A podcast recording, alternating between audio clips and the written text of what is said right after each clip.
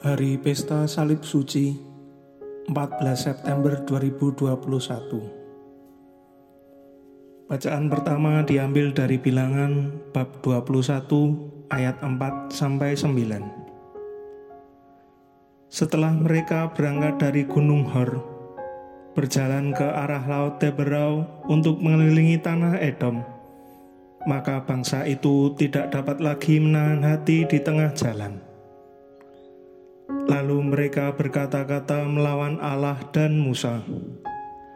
Mengapa kamu memimpin kami keluar dari Mesir? Supaya kami mati di padang gurun ini? Sebab di sini tidak ada roti dan tidak ada air. Dan akan makanan hambar ini kami telah muak.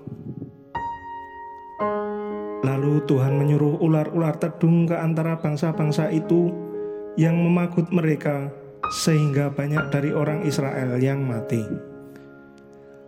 Kemudian datanglah bangsa itu mendapatkan Musa dan berkata, "Kami telah berdosa, sebab kami berkata-kata melawan Tuhan dan Engkau.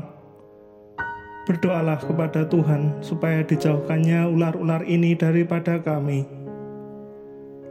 Lalu Musa berdoa untuk bangsa itu.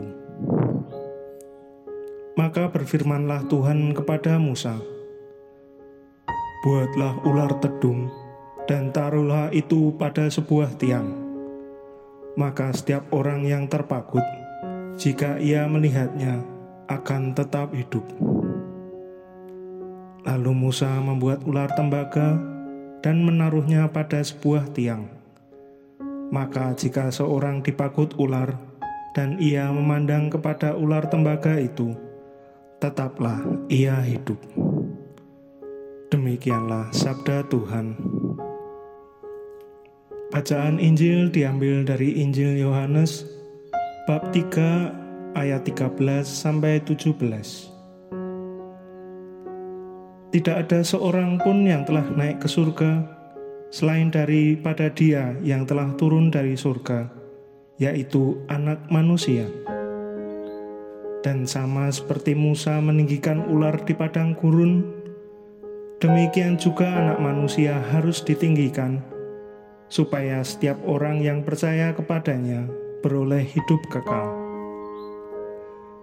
Karena begitu besar kasih Allah akan dunia ini, sehingga Ia telah mengaruniakan anaknya yang tunggal, supaya setiap orang yang percaya kepadanya tidak binasa, melainkan beroleh hidup yang kekal.